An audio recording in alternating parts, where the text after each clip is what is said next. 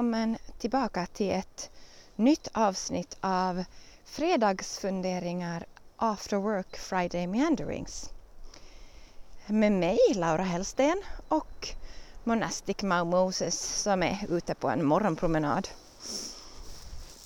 Jag har fått en förfrågan faktiskt, en önskan om vad jag skulle prata om idag. Så jag tänkte uh, fullfölja det här lyssnarönskemålet och har tänkt som tema forskning i coronatider.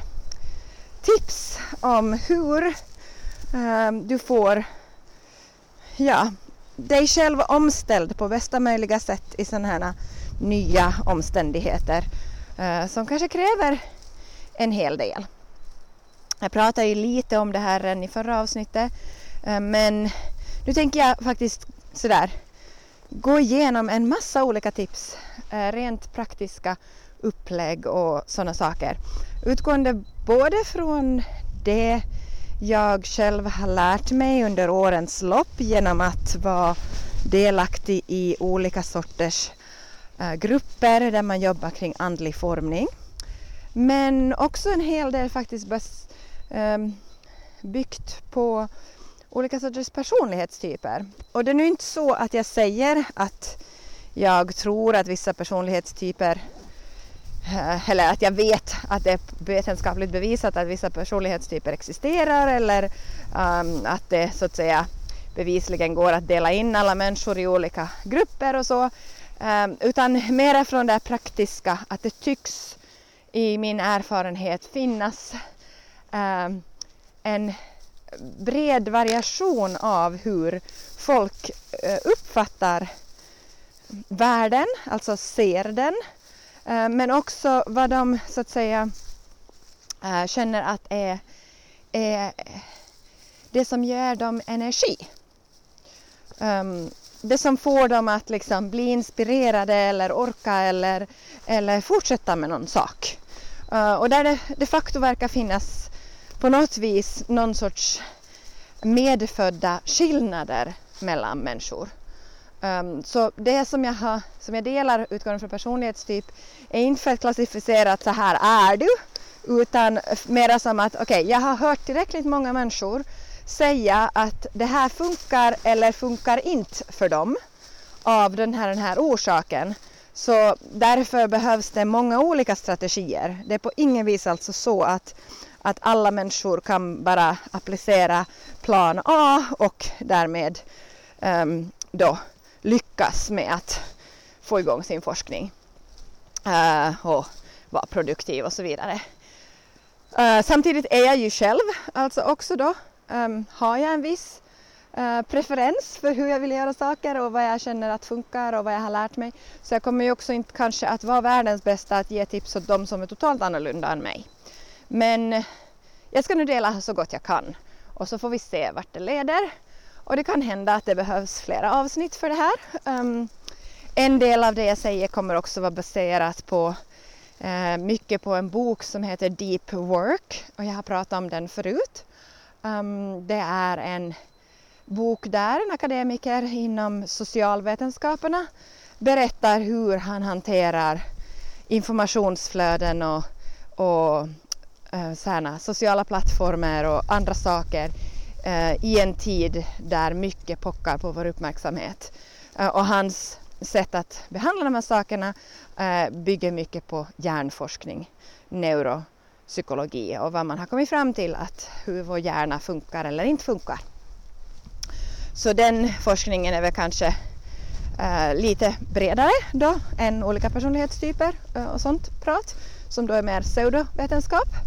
Um, Nåja, det här är upplägget och jag hoppas att du ska få nytta av det här och kom jättegärna med vidare frågor kring mera uh, så ska jag göra mitt bästa att utforma det här till ett kit, ett paket som hjälper oss vidare och framåt. Och den första orsaken till varför jag faktiskt inte tog upp det här än förra veckan är ju det att alltid när det är stora omställningar eller förändringar så oberoende av om du är hemskt rädslodriven eller inte så kräver alltid en omställning och en förändring en massa energi. Ehm, och vi har inte kapacitet, eh, så som forskarna har hittat i alla fall hittills, hjärnkapacitet alltså, eh, att göra stora förändringar snabbt och leva i stor förändring eh, under en hög, alltså en stressnivå. Och stress kan vara då alltså allt ifrån positiva saker, eh, det är att du gifter dig eller du är förälskad eller eller du får ett nytt jobb eller någonting sånt. Det är också en stressfaktor för människor. Till sen i sådana här tider när kanske folk går och bär på oro, osäkerhet, rädsla om sjukdom, rädsla om finansiella situationer och, och också liksom helt enkelt fysisk ovana i att, att ha haft vissa rutiner och nu så är livet helt annorlunda. Um, och det där kräver en hel del och den där omställningsperioden det är en period som vi behöver de facto bara låta oss själva vara i utan några höga krav och stora förväntningar. Det kommer att ta en vecka eller två kanske förrän vi har vant oss och sen när vi har vant oss eh, så då kommer saker och ting att kunna funka bättre. Så mycket handlar nu bara om att, skulle jag säga, för de flesta av oss att vara nådiga med oss själva kring att, att låta eh, sätta ribban ganska lågt kring vad vi förväntar oss av den här kommande perioden och vad vi förväntar oss av oss själva före vi har blivit installerade i allt det här nya. Eh, men med det sagt så tar det inte bort det att det kommer ännu en ny period och i nästa period, då när vi har så att säga hittat lite um, lugn i oss själva och fått, återfått lite stabilitet och, och, och vana Även om vi nu hoppas att vi aldrig blir vana vid att människor dör runt hela världen. Um, och det finns en sjukdom som vi måste ta på allvar eh, för att skydda vårt samhälle och våra medmänniskor med. Uh, så finns det ändå en viss nivå av när det här kommer att inte vara nytt och främmande längre. Och då Eh, finns det faktiskt kapacitet att eh, de facto göra många saker eh, som du kanske inte har kunnat göra tidigare. Och en av de sakerna som framkommer när jag pratar med mina kollegor och bland mina vänner så här är ju att det är jättestor skillnad just nu mellan de familjerna som har barn och de som inte har det. Eh, att ha små barn hemma just nu verkar vara en av de Eh, mest utmanande situationerna eh, för de som är vana vid att lämna av sina barn på dagis eller på skolan och sen ha en hel arbetsdag för sig själva i medvuxet sällskap. Så nu mitt i allt ska man hantera det att man spenderar tid i samma utrymme och har också de här barnen som pockar på ens uppmärksamhet runt omkring sig.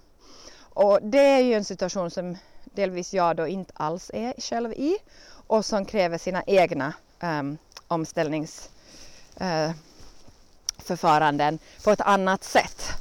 Um, jag ska försöka kommentera det också, eller jag ska ge några sådana kommentarer också. Samtidigt är det ju inte min vardag, så jag är kanske inte den bästa att tala om de sakerna. Uh, men jag kan säga så pass mycket att att jag har ändå Moses. Och um, Moses är inte ett barn. Han är inte heller någon som kräver hjälp med sin skolgång och sådana saker. Eh, men ehm, det är helt tydligt så att våren är i luften och våren har kommit. Så han pockar på min uppmärksamhet. Och så fort vi är hemma och är så att säga tillgängliga i samma utrymme så har han sitt sätt att få sin vilja igenom. Och hans vilja just nu handlar om att få vara ute. Och eftersom han är en, en katt eh, som då inte skall eh, lämnas ute ensam och som inte heller kanske har um, han har varken vanan eller liksom eller det biologiska i sig eftersom han är framavlad uh, eh, på ett annat sätt än vanliga bondkatter så man kan helt enkelt släppa honom fri ute av många olika orsaker så kräver det ju det att vi är ute med honom. Och det är de facto som jag sa i morse åt mina kollegor, det är som att ha ett spädbarn kanske, det är kanske det lättaste. Det vill säga, så länge han sover eller äter och är nöjd så är alla andra också nöjda. Men så fort han har vaknat och känner sig uttråkad och tycker att nu skulle han borde få fara ut och jaga och undersöka sina jaktmarker så då skriker han. Eh, och han skriker tills han får sin vilja igenom. Givetvis ska man ju inte lära en, en envis kattras som egyptiska maun till att alltid få sin vilja igenom. Men det går ju absolut inte för oss att koncentrera oss på att jobba eh, under den perioden när han skriker. Utan då handlar det om att antingen hitta på något att leka med eller ta ut honom en stund. eh, eller hitta ett system där hans behov är tillräckligt väl tillgodosedda så att det här Eh, rytmen inte är allt förstörande. Um, ehm, och såklart, ibland måste ju han också lära sig att vara eh, obekväm så att säga. Det är inte, livet ska inte kretsa en, enbart kring Moses. Men jag vill bara med det här säga att, att det finns, eh, jag känner igen det här, jag är inte helt eh, sådär eh, utelämnad i lyx till, till att få och kunna göra precis vad jag vill dagarna i ända. Mm.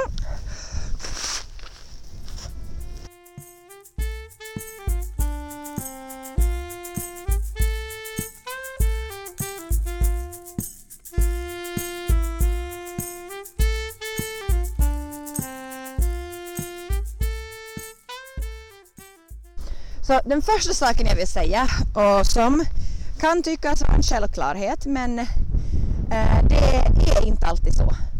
Eh, det är den att eh, vår hjärna och vår kropp och vårt sinne och våra känslor och vår själ behöver och mår bra av är att ha först av allt tydliga rutiner och tillfredsställda basbehov.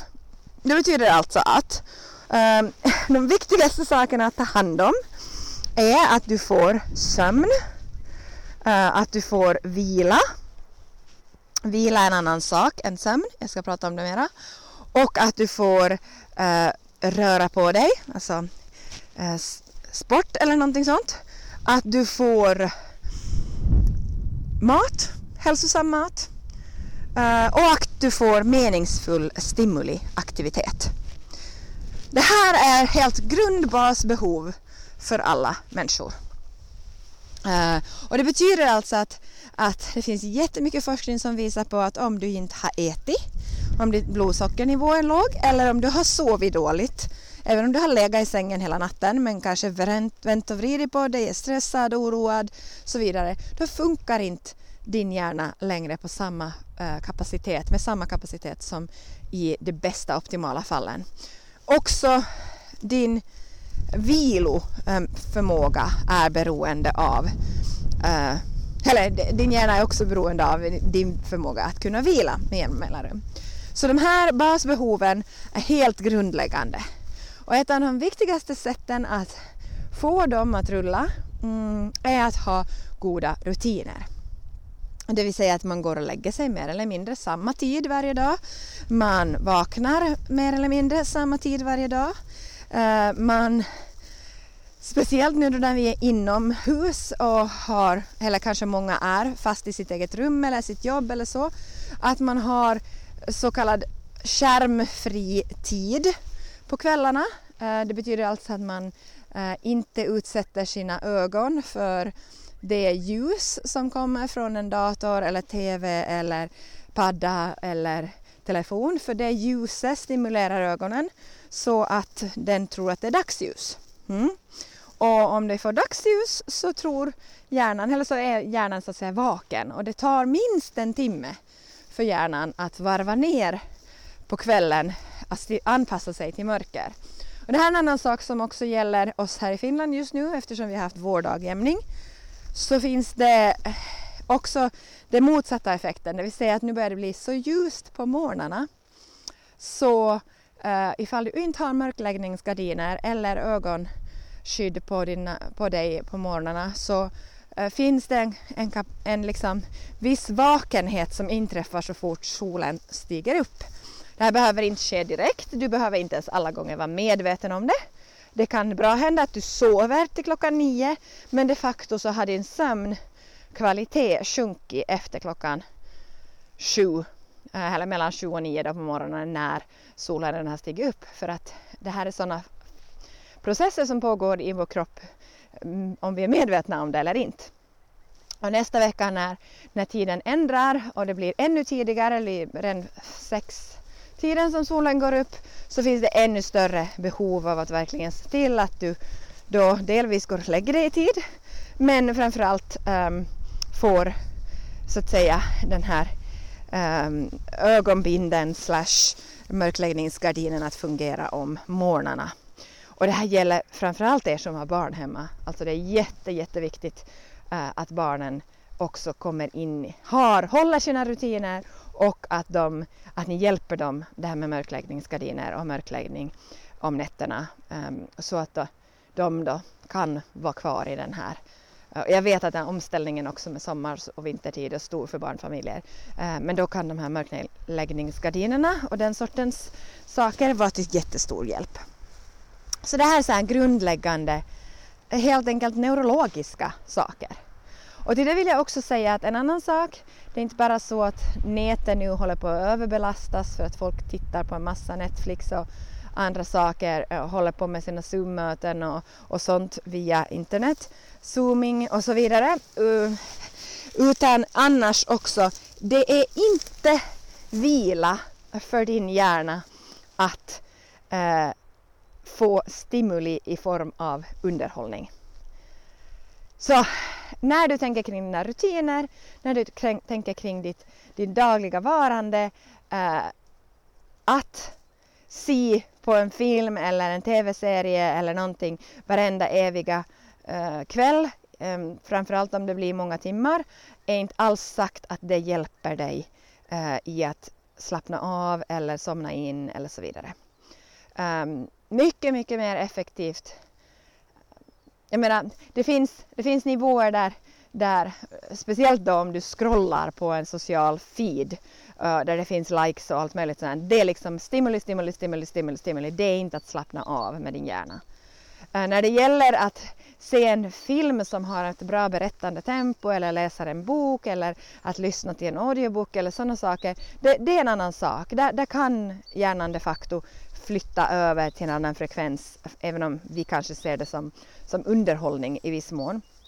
Men, men det, det behöver det absolut inte vara och speciellt om du inte stimulerar ögonen med det här utan det är mer ett lyssnande eller läsande av textbok. Så det kan de facto hjälpa dig att varva ner, det kan hjälpa dig att vila. Men för hjärnan så handlar det hemskt mycket om vad det är du gör i relation till vad annat du gör. Så alltså, eh, vila för hjärnan är inte att inte göra någonting alls. Utan vila för hjärnan är att byta det du gör Eh, med passliga intervaller. Det betyder alltså att eh, om du gör hela tiden monotont samma sak eh, om det sen är att läsa från en skärm eller, eller prata eller vad som helst, umgås, äh, göra en och samma sak monotont hela tiden. Det tröttar ut din hjärna och din kropp. Äh, men om du till exempel använder en timme till att läsa en timme till att skriva, en timme till att lyssna, en timme till att um, um, pyssla eller sticka eller sy eller, eller laga pussel eller uh, någonting annat som är en handfärdighet, laga mat. Och så varvar du de här olika sakerna efter varandra i en bra rytm. Då kan det uppstå ett så att säga kreativt flöde och en vilorytm för din hjärna och din kropp. Uh, där det är inte så att du är sysslolös eller inte gör någonting alls. Uh, utan det är det att du gör passligt mycket med en lugn, jämn flow av saker. Och det där tror jag också att är någonting som vi faktiskt behöver lära, inte bara oss själva utan också våra barn om vi har barn hemma. Att det är okej okay att vara uttråkad. Det är jättenyttigt att inte få alla sina behov tillfredsställda bums och direkt. Eh, och ett sätt att öva det på är att verkligen byta sysslor med jämna mellanrum. Så det är en sak som är jätte, jättebra att tänka på. Sen här finns det också skillnader eh, i människor. Inte bara i sådana personlighetstyp utan också sådana saker att för vissa av oss eh, så verkar det vara så att vissa sorters aktiviteter är bäst att göra under en viss tid på dygnet. Så det handlar mycket om självkännedom. Om du vet med dig att du är en som vaknar tidigt och den där morgontiden är den tiden när du får vara ostörd och där det är frid i din omgivning, då ska du kanske koncentrera dig på att göra de mest krävande uppgifterna just då. Och när du sen har gjort dem så förvänta dig inte att under resten av dagen göra andra krävande likadana uppgifter utan då ska du vara nöjd. Eh, eller då får du vara nöjd eh, med att du har utfört dagens mest krävande uppgifter. Eh, du kanske behöver sätta in inte bara kaffepauser tillsammans med vänner via Zoom eller vänner via, via Skype eller någonting sånt utan också promenader, Eh, rörelse, ehm, danspass. Eh, som jag sa så Nia TV är gratis just nu en månad framåt. Många andra nya lärare kommer också att erbjuda danslektioner som du kan göra hemma. Um, men också promenader. Eh, sätt dem vid rätt tillfälle. Alltså, om du är en morgontrött människa, så som jag, så är det ingen idé att tänka sig att uh, jag ska börja skriva en massa kreativa saker eller eh, producera en massa bra text tidigt på morgonen. Det, det är bara inte så det funkar för mig. Utan för mig är det här med att fara på en promenad med Moses en jätteviktig sak. Också annars ska jag helst, ha lärt mig, göra min, liksom, om jag dansar eller sådana saker, den ska också ske på förmiddagen eller morgonen. Om jag gör det sen på kvällen så får jag upp liksom, jag kommer upp i varv på ett sätt som gör att det är svårt för mig sen att slappna av eh, eller varva ner om kvällarna. Så sådana här saker behöver du helt enkelt lyssna in dig själv, gör, lär dig hur det fungerar och om du vet hur det fungerar så använd det. Fastna inte i ett mönster av att så här har någon sagt att du ska, eller inte ens nu när jag säger de här sakerna, eller så här borde alla människor göra, utan go med win-win-win. Om du funkar så här, om du är så här, så då gör så här. Om du inte vet hur det fungerar, om du inte vet hur um, dina rytmer är, för det här kan också handla speciellt om oss, för oss kvinnor som ännu är i en, en cykel med mens och så vidare, så kan det också handla om sådana saker. Att det finns vissa veckor då vi är jättekreativa och har massor med energi och vill umgås och kan och så vidare. Och sen finns det vissa dagar och vissa veckor där vår energi är mycket lägre. Jag åtminstone märker av det här och då ska jag hålla på med vissa andra uppgifter. Och det här kan då vara allt ifrån att jag gör min bokföring, eh, jag utför monotona, ehm, på ett sätt meningslösa eh, uppgifter och också till exempel rättar text eller korrigerar saker eller, eller just sätter in bokföringsuppgifter, andra sådana här saker. Det är sånt jag ska göra när min energi är låg och nere. Och då ska jag absolut inte se på vissa filmer eller läsa vissa böcker eller ens mata mig själv med hemskt mycket negativ energi för jag ser redan hela världen från ett väldigt negativt ljus och ah, jag blir väldigt lätt ledsen, eh, arg, irriterad och så vidare. Så behöver jag helt enkelt mentalt eh, välja att fokusera på vissa saker. Sen i andra perioder, i andra situationer, då har jag den mentala, emotionella och andliga kapaciteten um, att vara kreativ, att uh, vara kritisk på ett gott sätt gentemot mig själv. Um, och då kan jag göra andra sorters uppgifter. Så sånt här är jättebra att följa med, att lägga märke till och sen att börja anpassa till själva ens arbetssituation och en arbetsuppgifter ehm, um, och det som man ska göra då.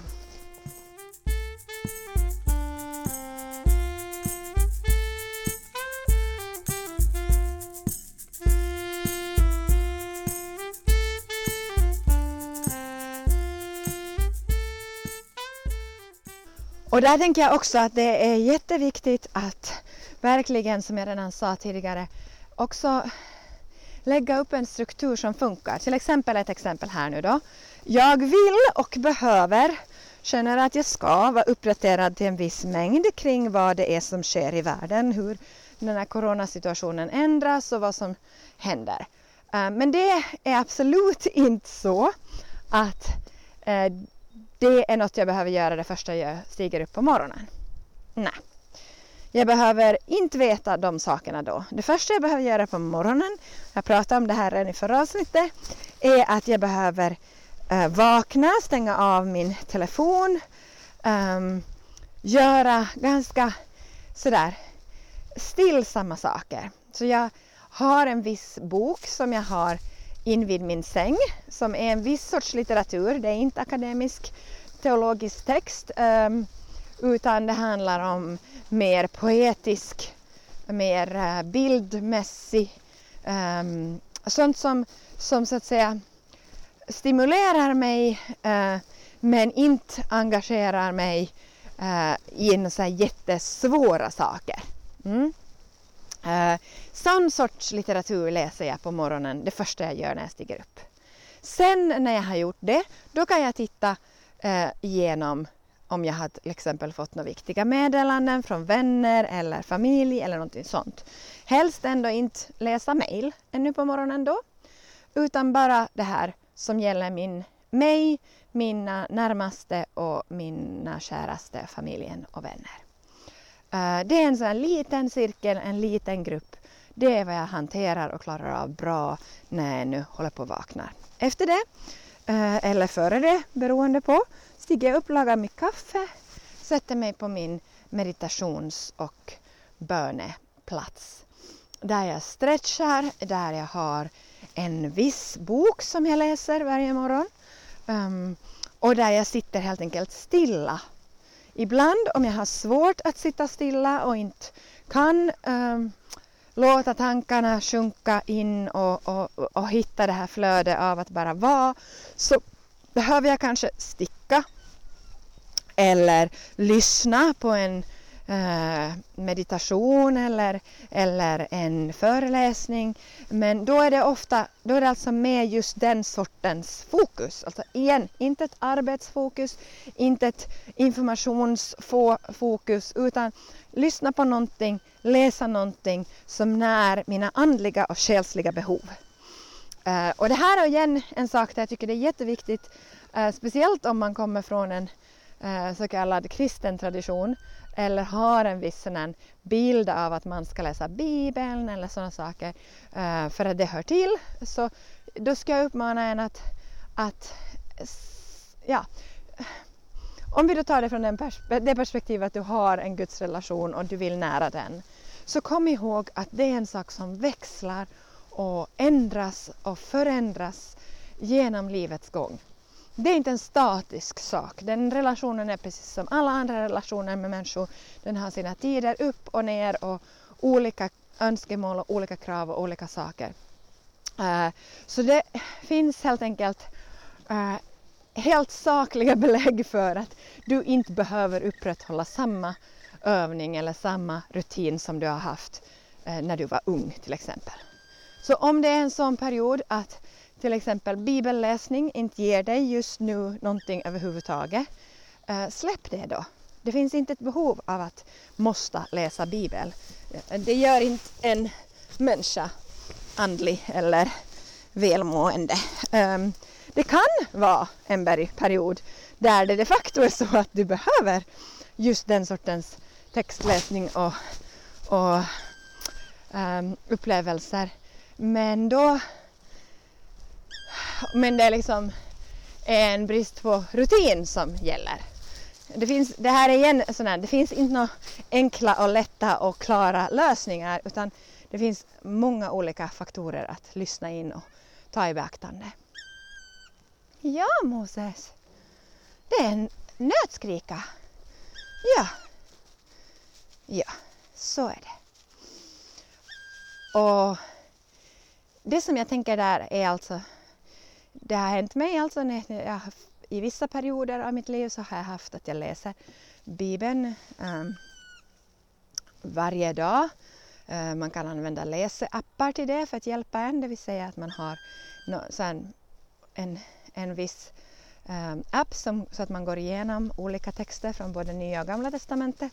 Man kan läsa ett kapitel om dagen, man kan läsa en viss bok eller ja, sådana saker. Men sen finns det andra perioder um, som, där det där inte har funkat för mig. Det har liksom inte, det har varit jätte um, motsträvigt. Uh, så då har jag till exempel just nu uh, har jag eh, hittat ett undervisningsmaterial av N.T. Wright där han går igenom uh, en viss bibelpassage um, eller en viss, ett, ett brev, uh, Filipperbrevet. Uh, och då varvar han alltså texten, vi läser texten, man lyssnar på när han läser den högt eh, och så finns det frågor och så finns det undervisningspass kring den här. Och det är ett sätt som, som också jag upplever att funkar eh, bättre, mycket bättre. Men det finns också andra perioder när jag helt enkelt inte har överhuvudtaget kunnat eh, läsa någon, liksom, kristen eller sån litteratur överhuvudtaget. Det har liksom bara inte funkat av många olika orsaker. Och, då, eh, och det här är också för er då som inte lever i en judisk, kristen, muslimsk eller annan religiös tradition. Då handlar det för mig istället om att läsa eh, någon sorts material som får mig att eh, på ett hoppfullt eh, men samtidigt utmanande sätt tänka saker från ett nytt perspektiv. Så det finns till exempel en bok som heter Tamed and Untamed som jag har läst här senast och delar också här på, på poddens eh, på Instagram-sidan eh, under hashtaggen Fredagsfunderingar After Work Friday Mandarings stycken från som är en bok där två kvinnor eh, gör populärvetenskapliga artiklar om människans relation till djur eller den djurforskning vi har. Eh, men då baserad på forskning men skriven i en populärvetenskaplig form. Sådana små berättelser. Eh, de har varit jätte, jättegivande. De öppnar upp min förmåga att se världen på ett nytt och på ett annat sätt utanför de former och rutiner som jag annars hamnar lätt in i. Så det är liksom poängen med den här morgonläsningen är att, att lyfta blicken uppåt och vidga den horisonten som jag annars fastnar i eller ofta är i genom någon sorts eh, läsning. Och det här rekommenderar jag av många olika orsaker. Eh, dels för att det är ett sätt att hitta den stillheten, närvaron. Eh, dels för att det också hjälper sen när man ska, i forskning speciellt, att liksom kunna vara kreativ, eh, nydanande och så vidare. Att helt enkelt eh, um, ha det från ett annat perspektivsätt. Och, och, vad jag menar med det här är då att till exempel det kan också handla om, eh, så som, som Esa Saarinen pratar om i sina, eh, berätt, eh, sina föreläsningar från Aalto-universitetet den senaste våren, är ju alltså att du kan läsa en klassiker.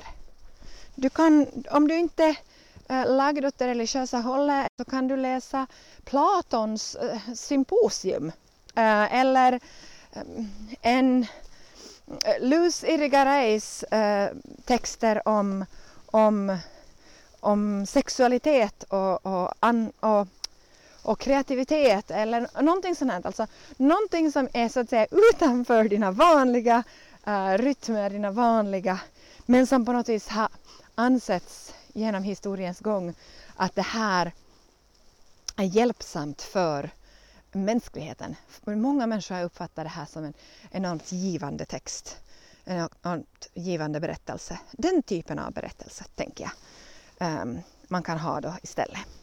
En annan sak som många människor gör och som jag vet att också är jättehjälpsamt för många, speciellt om man vaknar upp uh, och har tendensen att, så som vissa av mina vänner att man vaknar upp i ett mörk, jättestort mörker. Man vaknar upp på en plats där allting är omöjligt och världen ser hemsk ut och det är jättetungt och det är jobbigt och det är mycket känslor och det är svårt att koncentrera sig och, och det är svårt att komma åt någon sorts glädje överhuvudtaget eller hoppfullhet eller någonting sånt.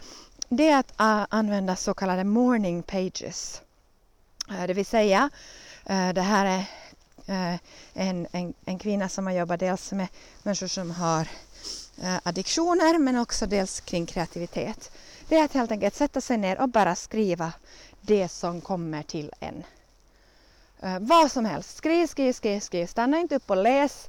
Uh, reflektera inte kring det du skriver utan skriv bara av dig. Och det här gärna med handen. Alltså att du verkligen använder den mekaniska rörelsen av handmotorik när du skriver de här morning pages. Det här är en eh, övning som, som du kan göra antingen så att du bara skriver av dig eller så kan du göra det i en sån här dialogform som eh, Elisabeth Gilbert talar om, där hon så att säga eh, skriver det här tillsammans med det som hon upplever att det är kärlekens röst i henne själv. Hon beskriver det som att hon ställer frågor till kärleken och eh, Eh, skriver svaren åt sig själv från den här kärlekens röst. Så det finns många olika sätt att göra det där på. Uh, om du är en akademiker och du behöver inspiration så kanske det är inte kärlekens röst utan kreativitetens röst eller ombryendets röst eller någon annan som du kan uh, ha dialog med um, och be den tala in i den stund där du är just nu. Det där är en teknik som jag vet att många har haft nytta av och många gör det som sagt det första de gör. De gör det faktiskt det första de gör på morgonen när de stiger upp. Som jag redan beskrev så gör jag inte det, men det kan man göra. Man kan göra det. Ja Moses, kom! Vi far i. Man kan göra det när man sätter sig på sin bönepall eller sin morgonmeditationsplats. Men man kan också göra det som det första man gör när man kommer förflytta sig till en arbetsstation. Så du kan placera den här övningen där du behöver den. Där så att säga din ångest eller angst eller dina emotionella eh, funderingar tar över. Dit kan du placera den här övningen.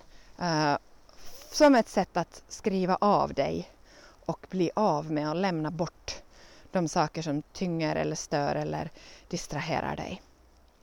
Och när man har gjort det, ehm, eller om man då till exempel har dansat eller eh, gjort någon mer stretchning eller någon annan sorts övning. Det är också ett sätt att få tankar och känslor att röra på sig och komma igång.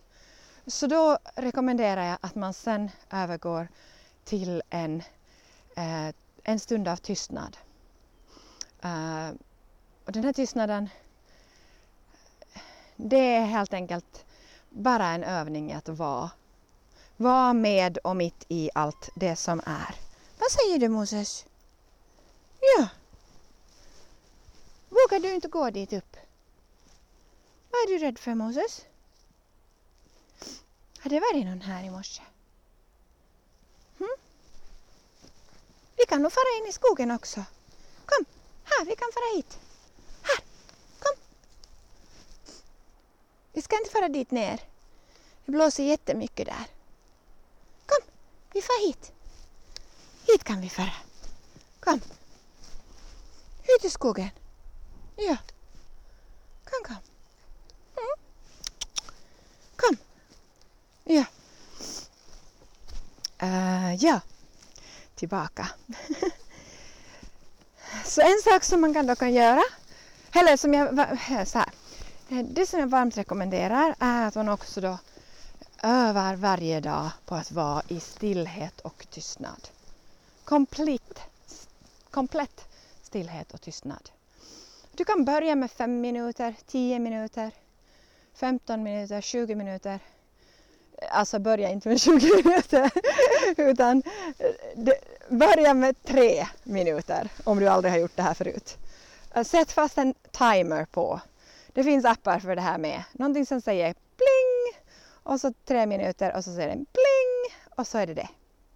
Eh, och alltid när man börjar en ny övning av något slag whatsoever eh, så är grundregeln i alla sådana i andlig formningsgrupper är alltid gör övningen så enkel och så lätt att det känns som att det nästan inte överhuvudtaget är en ansträngning att göra den. Den, det är sättet att lyckas med nya rutiner. Gör dem så enkla att de inte känns som ett jobb överhuvudtaget. Och sen öka på. Eh, så om du börjar med tre minuter, då gör du det i en vecka. Mm? Det känns ju som ingenting. Men det är fint. Sen tar vi fem minuter och då kanske du gör fem minuter i två veckor. Uh, sen kanske du kan öka på och så vidare. Uh, men hela tiden utgående från att göra det uh, så enkelt och lätt att det inte tar en massa energi eller vilja, eh, viljekraft att få det gjort. Ett annat sätt att, att, att göra, också jobba där med kroppens och eh, sinnets och vanliga sådana här, är inte bara att upprepa samma sak varenda eviga dag exakt på samma sätt, det vill skapa rutiner, mm, ritualer, utan också att sätta dem i relation till någonting som du redan gjort. Alltså, uh, om det är så att du har vanan av att dricka morgonkaffe så då lägger du den här tystnads eller stillhetsövningen i relation till ditt morgonkaffe. Om du vill göra en övning med att, just som jag sa också där med, med stänga av mm, telefonen på morgonen, väckningen, så direkt efter det så lägger du in läsa boken. Den är liksom där bredvid på nattduksbordet eller under sängen eller var du nu har det. Uh, alltid någonting som redan finns i din rutin, i din system, dit lägger du vägg i vägg med det, den andra, den nya, uh, den annorlunda övningen. Då får man dem, så det kallas chaining eller um, backtracking.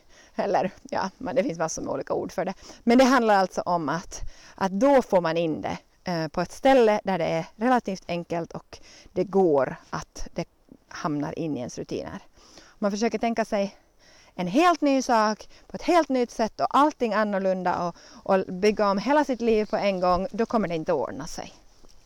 Utan Ta det som redan finns och redan fungerar och så ändrar du pyttesmå steg in i det systemet. Så det är ett sånt här tips som finns och som är jättelätt. För vissa människor är det dessutom jätteviktigt och stödjande och hjälpsamt att se och um, uppleva uh, feedback på det man gör. Så då kan det vara så att du behöver ha ett häfte eh, där på din morgonposition, plats. Det är viktigt att det är en och samma plats varje morgon um, dit du alltid far, där du har dina kort eller bilder eller ljus eller en dyna eller någonting som är den där så att säga de brukar prata om altare eller en helgad, um, ett helgat utrymme som är just för den här saken och för ingenting annat. Uh, det går enkelt att skapa ett sånt. Om, Ehm, det kan räcka med att du tar fram en viss bok eller en viss bild om du inte har den platsen i ditt hus eh, så att du kan ha det där hela tiden. Eh, så då tar du fram den, den där och då vet vi, det här är signalen, det här är bilden, det här är det. Eh, så det, det ta fram det, den där platsen, den där saken, lägg in den här lilla grejen dit. Men sen kan du då ha där bredvid till exempel ett häfte där varje morgon du har gjort den här saken, eh, utfört den här nya övningen eller den här nya rutinen, så då lägger du till exempel ett hjärta. Och sen så ser du på ett ställe där du ser det. Så att varje dag ser du att du har lyckats med det här och du har framskridit i den här processen.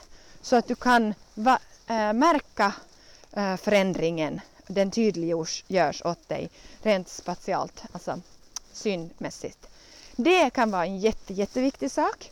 En annan kan vara det att du har en människa eller en grupp av människor åt vem du delar att det här har du tänkt börja göra och så ber du dem att checka upp med dig eh, på ett väldigt kärleksfullt och icke-dömande sätt att hur går det med din nya övning? Har du, hur har det varit sen förra veckan. Uh, och sen så rapporterar du åt någon. Det finns andra människor för vilka det, de här sociala eller, eller så att säga det här med att se eller så här, bara gör dem jätteirriterade och de klarar inte överhuvudtaget av det. Då ska man inte göra det här. Så att igen, det, det här är helt och hållet beroende på dig själv. Men för många människor så är det här att, att se det utanför sig och att dela det med andra. Ja, det är de sätt på vilka de eh, lyckas med att sätta igång nya rutiner. Ska du ha en gutta? Är det det som är grejen? Ja. Ja. Ja. Du kan nog få en gutta.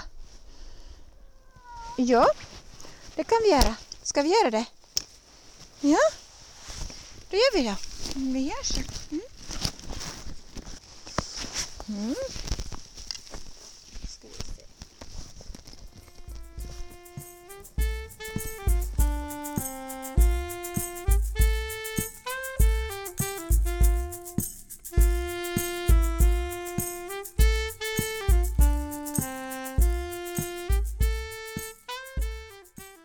Så en av de sakerna som um, finns med då i det här hur man skapar nya rutiner och, och vad som är bra att fundera på kring en sån här rutin, morgonrutin. Uh, det är då inte bara de här grejerna som jag har delat hittills uh, utan det är också sen rent mera utvecklat i praktiken. Alltså, uh, en sak som är jätteviktig som jag har lärt mig är att även om jag tycker att det är jätteskönt att hänga hela dagen bara i pyjamas och vara liksom hemma och mysa och inte tänka på hur jag ser ut eller vad jag har på mig eller sådana saker. Så har jag också lärt mig att eh, den här monotonheten som uppstår i att bara um, göra mer eller mindre samma sak hela tiden så smetas liksom tiden ihop och, och, och världen ihop och så finns det inte längre någon skillnad mellan, mellan eh, morgon och kväll och natt och dag och, och eh, arbete och vila och sådana saker. Det verkar inte vara, även om det i korta stunder kan kännas som en jätteskön eh, lunk att vara i, bara lalla på och bara um, flyta i en stor massa. Men i längden verkar inte det vara igen det som är det bästa andligen, själsligen, mentalt och, och fysiskt för kroppen och hjärnan och människan. Utan vi behöver och vi lever och är habituerade varelser med rytm, eh, med um, rörelse, med, med eh, en sorts system inbyggt i oss när vi mår bra och mår gott. Så förutom de här sakerna med att du har den här morgonen på det här sättet, så en annan sak som jag har märkt är också att, att till exempel just det här med att interaktionen som jag behöver ha med omvärlden. Eh, så jag har då det här morgonkaffet där jag checkar in med mina vänner, eh, mina kollegor, eh, klockan tio varje dag. Och efter det så gör jag då Eh, den här promenaden med Moses. Och sen när jag kommer hem tillbaka Eh, om jag då har ätit frukost, eh, eller lunch är det väl kanske mera, second breakfast, lunch, ute i skogen tillsammans med Moses, så då kan jag ta och laga en kopp te och sen kan jag börja mitt arbetspass. Men om jag äh, gör frukost, lunchen där hemma när jag kommer tillbaka efter att ha varit ute och gått med Moses, så då behöver jag också göra en transition, tydliga transitioner från en aktivitet till en annan. Eh, nu har jag då Moses och det kommer att ta mig ut eh, och få mig att sätta på mig kläderna och så vidare. Men en sak som är jättehälsosam eh, som jag har märkt då när till exempel Marcus har tagit hand om att fara ut med Moses är att jag själv och det här Clarissa Pinkola Estes men också Elizabeth Gilbert talar om det här med att liksom Eh, markera åt sig själv att ens arbete är värdefullt, att ens kreativa sysselsättning är någonting viktigt. Eh, så är att jag helt enkelt tänker mig, oberoende av om jag är på jobb eller inte, alltså far till min fysiska arbetsplats eller stannar hemma, så tänker jag och agerar utgående från att när jag ska träffa min Eh, när jag ska börja mitt arbetspass så är det som om jag skulle fara på en dejt med en jätteviktig människa. Jag helt enkelt klär upp mig fint för min nya arbetsfas. Och det här kan betyda allt beroende på liksom, vem du är, vad du är. Det kan betyda att du sätter extra bekväma kläder på dig, det kan betyda att du sminkar dig, det kan betyda att du sätter cykeln på dig, det kan betyda att du väljer vissa kläder eh, som är mera liksom den typen av kläder eller just eh, också det att du far till en annan plats i ditt utrymme. Om vi då pratar om en liten lägenhet så som många av oss är i så räcker det helt enkelt med att du, flytt, du lagar en arbetsstation. Och när du är på den arbetsstationen så gäller vissa eh, rutiner, regler, eh, mönster för det. Och ett av dem är det att du till exempel då har klätt upp dig för en dejt med ditt eget skrivande, läsande, arbetande, skapande jag. Um, jätteviktigt.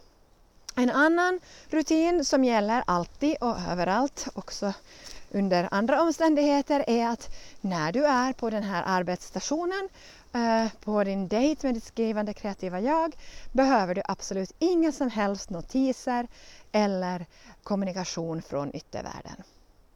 Det vill säga stänga av alla ljud, alla bilder, alla pling, alla plong, alla saker som kan distrahera dig. Och det här är en sån sak som han i Deep Work verkligen tar fasta på enormt.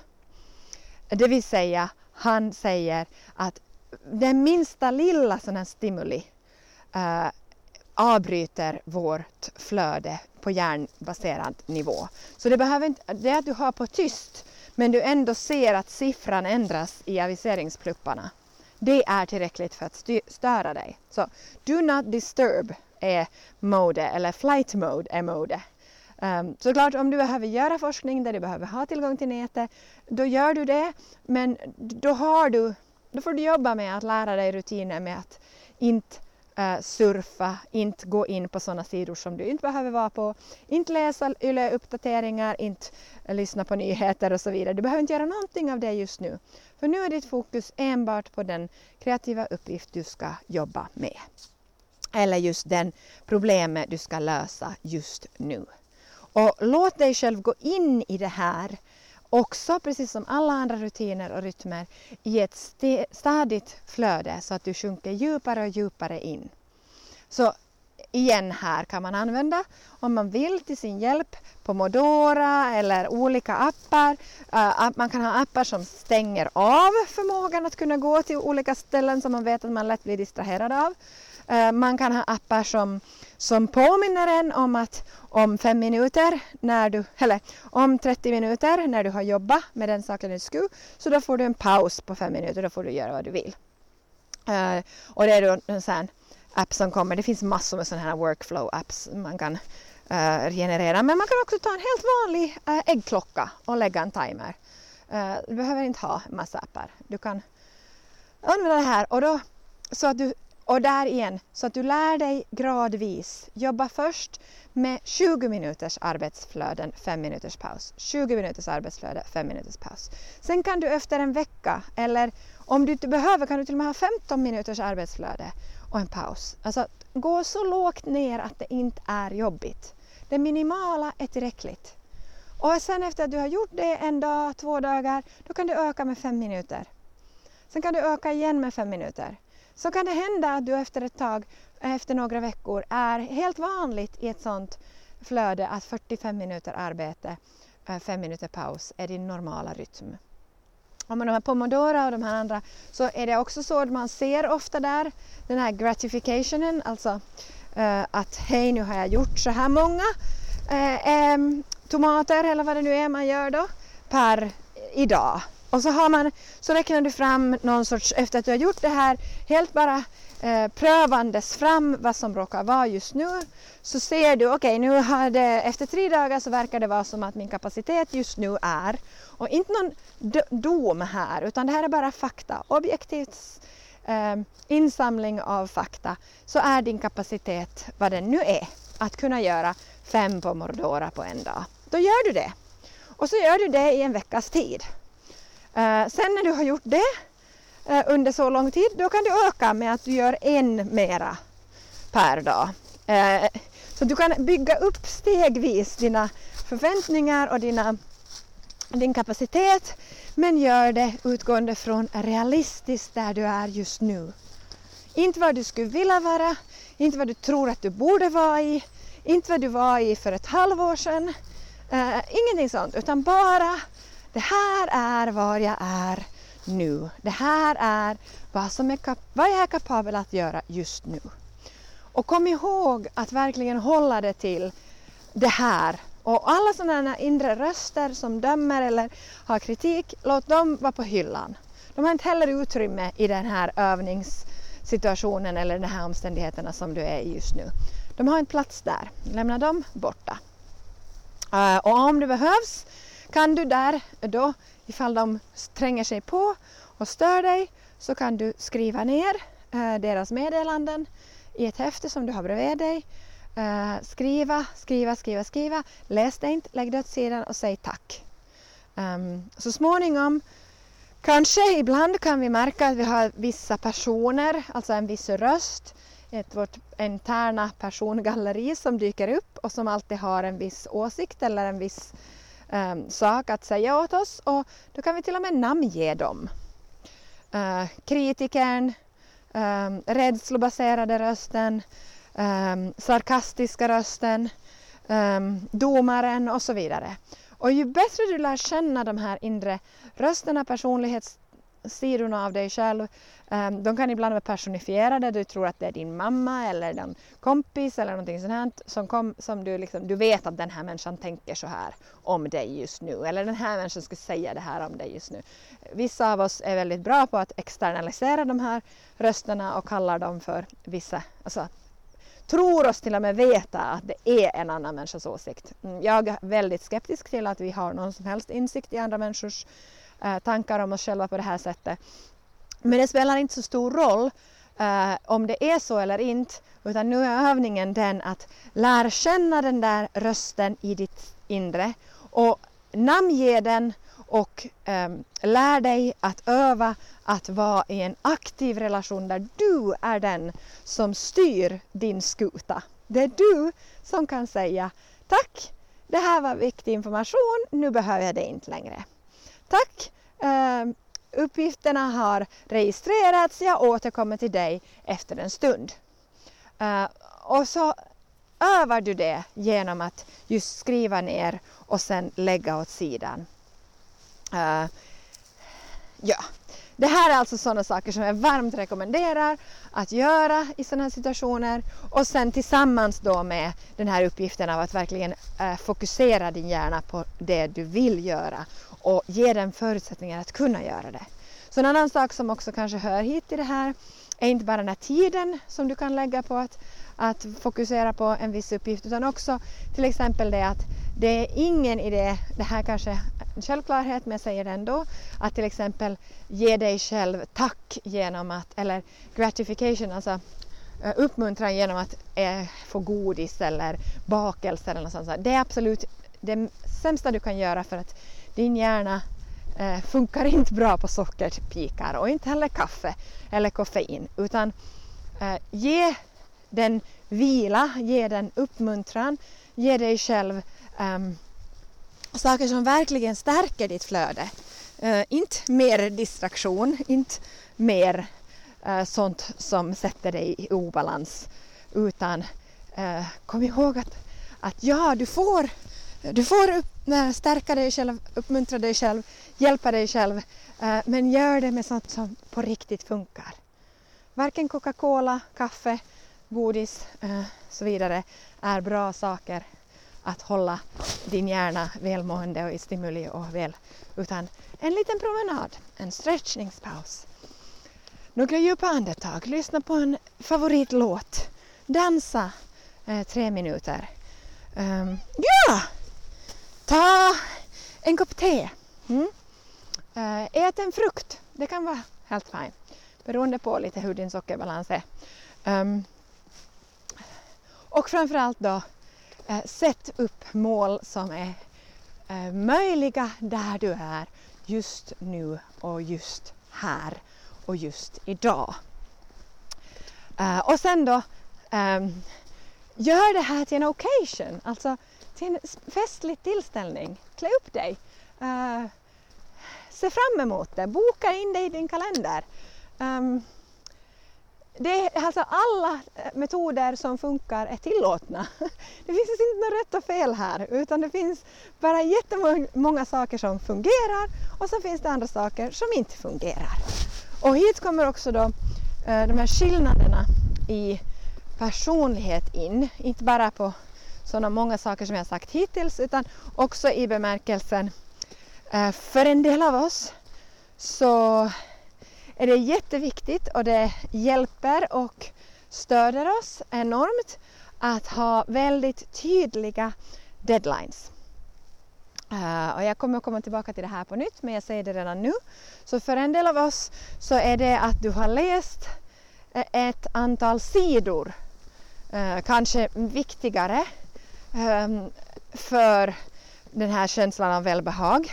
Medan för en annan så är det inte eh, så att, att du får energi av att avsluta uh, uppgifter eller ha liksom många eh, en upplevelse av att ha, ha åstadkommit en massa olika saker utan en del av oss verkar det vara så eh, känner sig till och med utsatta eller, eller liksom stimulerade eh, eller understimulerade om de blir satta i rigida mönster av, av eh, slutförda, avslutade projekt och så vidare. De, eh, det, I Myers-Briggs pratas det om, om P och J, eh, personlighetstidsanvändningen. Så det verkar finnas alltså människor som, som, vill, som mår bra av att alltid se möjligheter, öppningar. Eh, horisonten är alltid föränderlig och eh, den, har, den är full med uh, förvandling, förändring.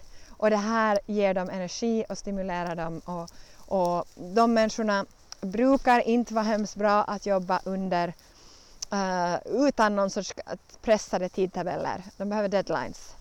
Uh, medan den, den andra typen av människor de som, är, kallas, som har bokstaven J, så där är det mer att, att små uh, avslutade deadlines um, som sen leder till en större helhet är det sättet som de får energi. När någonting är gjort så blir de glada. De tycker om listor, de tycker om, om att checka av eh, utförda uppgifter, om att veta att de så att säga på ett sätt har kontroll, kanske är fel ord, men att, att nu är det här färdigt, nu är det här, här, här och det är som en ned, det är inte en öppen horisont utan en insluten um, fixpunkt dit det, ju mer sådana man har och ju mer sådana man har fått på sin lista desto bättre är det och hjälp, hjälpsammare och lättare är det.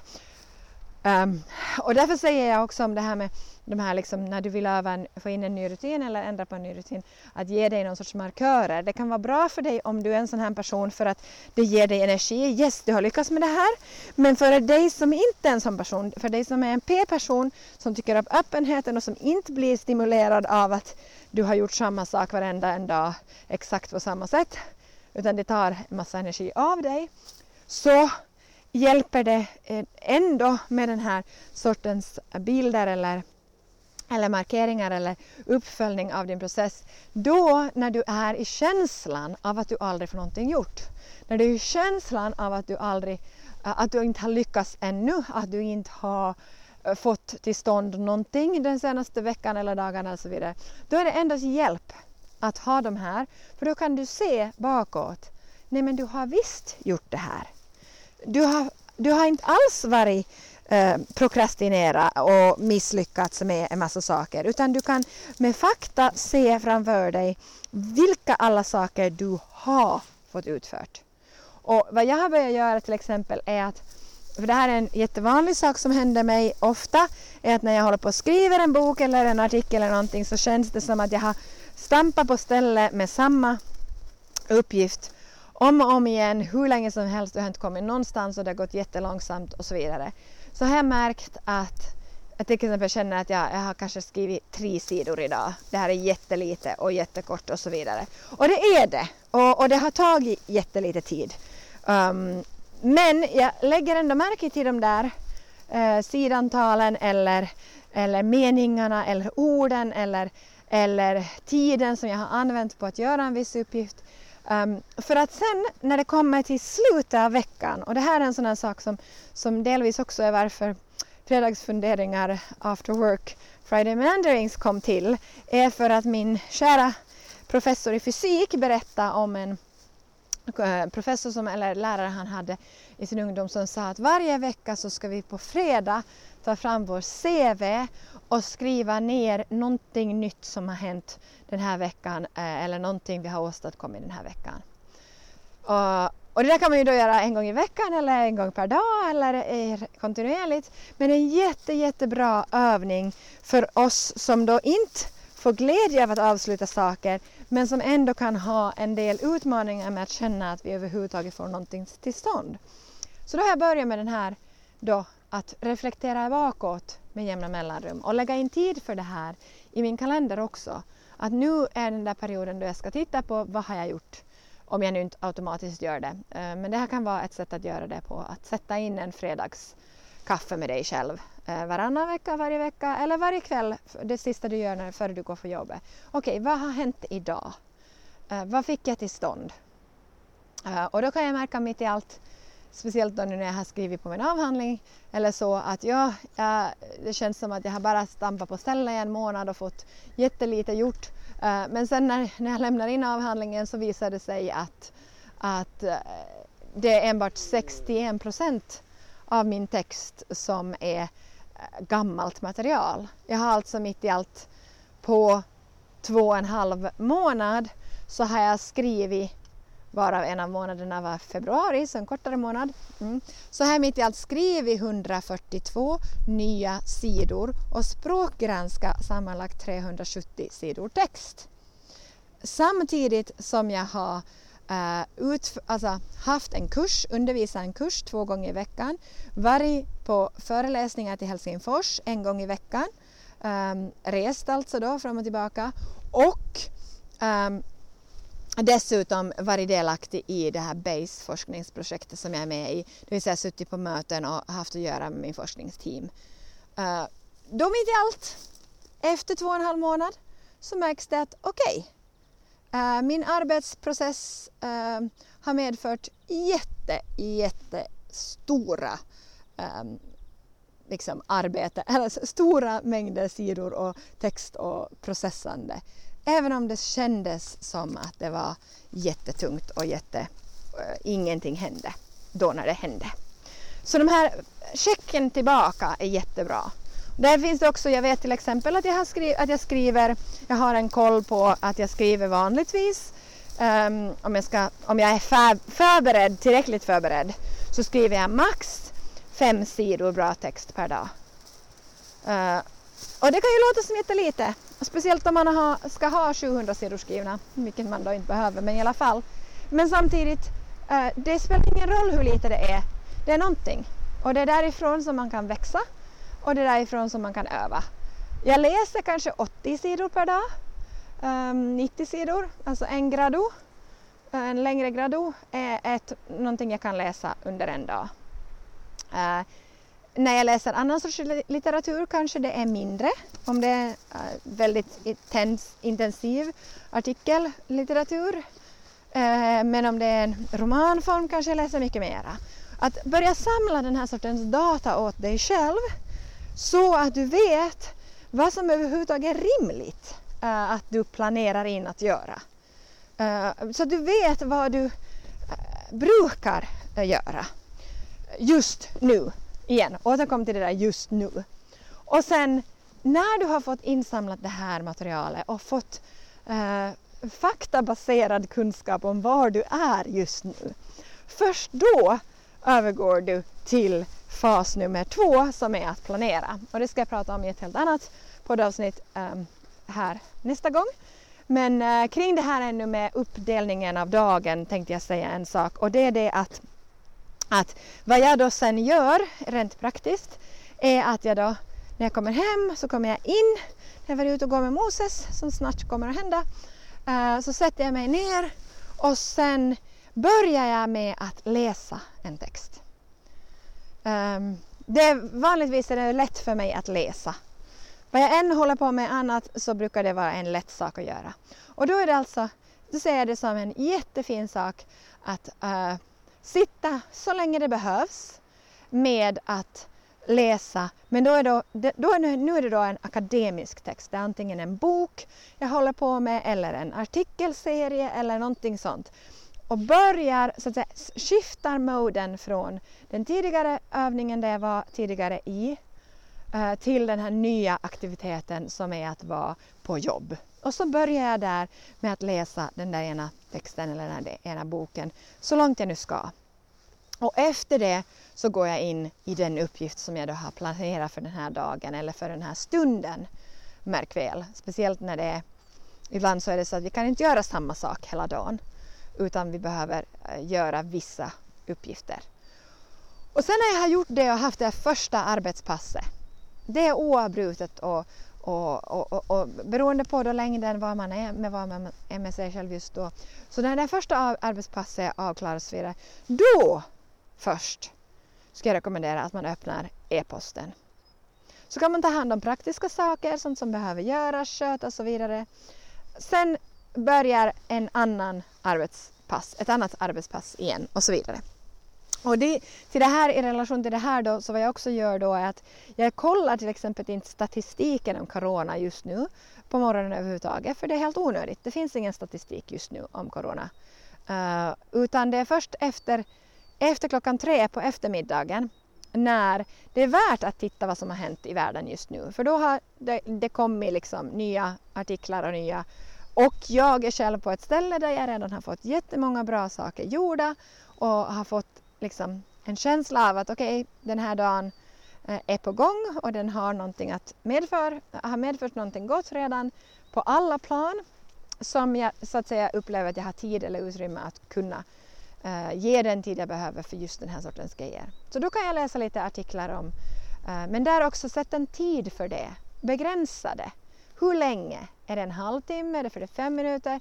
Inte mer än en timme på att göra den sortens saker. Och sen efter det, stäng av. Och du kanske behöver en liknande tid för att scrolla Facebook eller någonting sånt. Uh, och sen lägg in ett nytt om du sen har en kaffe eller en promenad eller någonting däremellan. Sen igen ett nytt arbetspass uh, som är en helhet av vad det nu är du behöver göra. Och det kommer jag komma fram till, eller tillbaka till nästa gång. Men det här är liksom tanken kring hur vi jobbar med vår hjärna, med vår kropp, med vårt system på alla olika plan eh, som vi har med att få rytmer och och helheter som fungerar och som löper på av sig själv. Och det jag vill påminna här och speciellt då återanknyta till barnfamiljer är ju det att, att den, den, just den här Deep Work-boken och den forskning som baseras kring det visar tydligt och klart att uh, en jättehögpresterande, superduktig uh, människa som har övat i hela sitt liv på till exempel ett instrument eller en viss uppgift. De klarar av max tre timmars deep work på en dag. Så om du inte hör till den kategorin, vilket jag antar att majoriteten av oss inte de facto gör, så ska du inte förvänta dig själv mer än då två, max tre eh, sådana här pass per dag. De arbetspassen där du verkligen går djupt. Sen är det helt okej okay att resten av tiden går åt till en massa andra saker. Eh, det kan vara administrativt, det kan vara planering, det kan vara en e-post, det kan vara möten, det kan vara olika grejer. Vi, kommer ju ha sånt eh, även om vi är i isolering. Men det är de här som jag tänker till att börja med när du börjar ett sånt här arbetspass per dag som är på rätt ställe, rätt tidpunkt med rätt fokus. Eh, men möjligtvis då två sådana här arbetspass per dag är någonting som vi är kapabla till och som är gott och som är tillräckligt att få gjort under en dag. Sen när du har fått allt det på gång och om du inte har barn hemma eller barnen har gått och lagt sig, då kan man börja fundera på om man kan ha, sätta in ett tredje pass efter middagen uh, Eh, om kvällarna. Men det där är jag inte övertygad om att gäller för alla eller ens är eftersträvansvärt. Så det är mina tips för idag.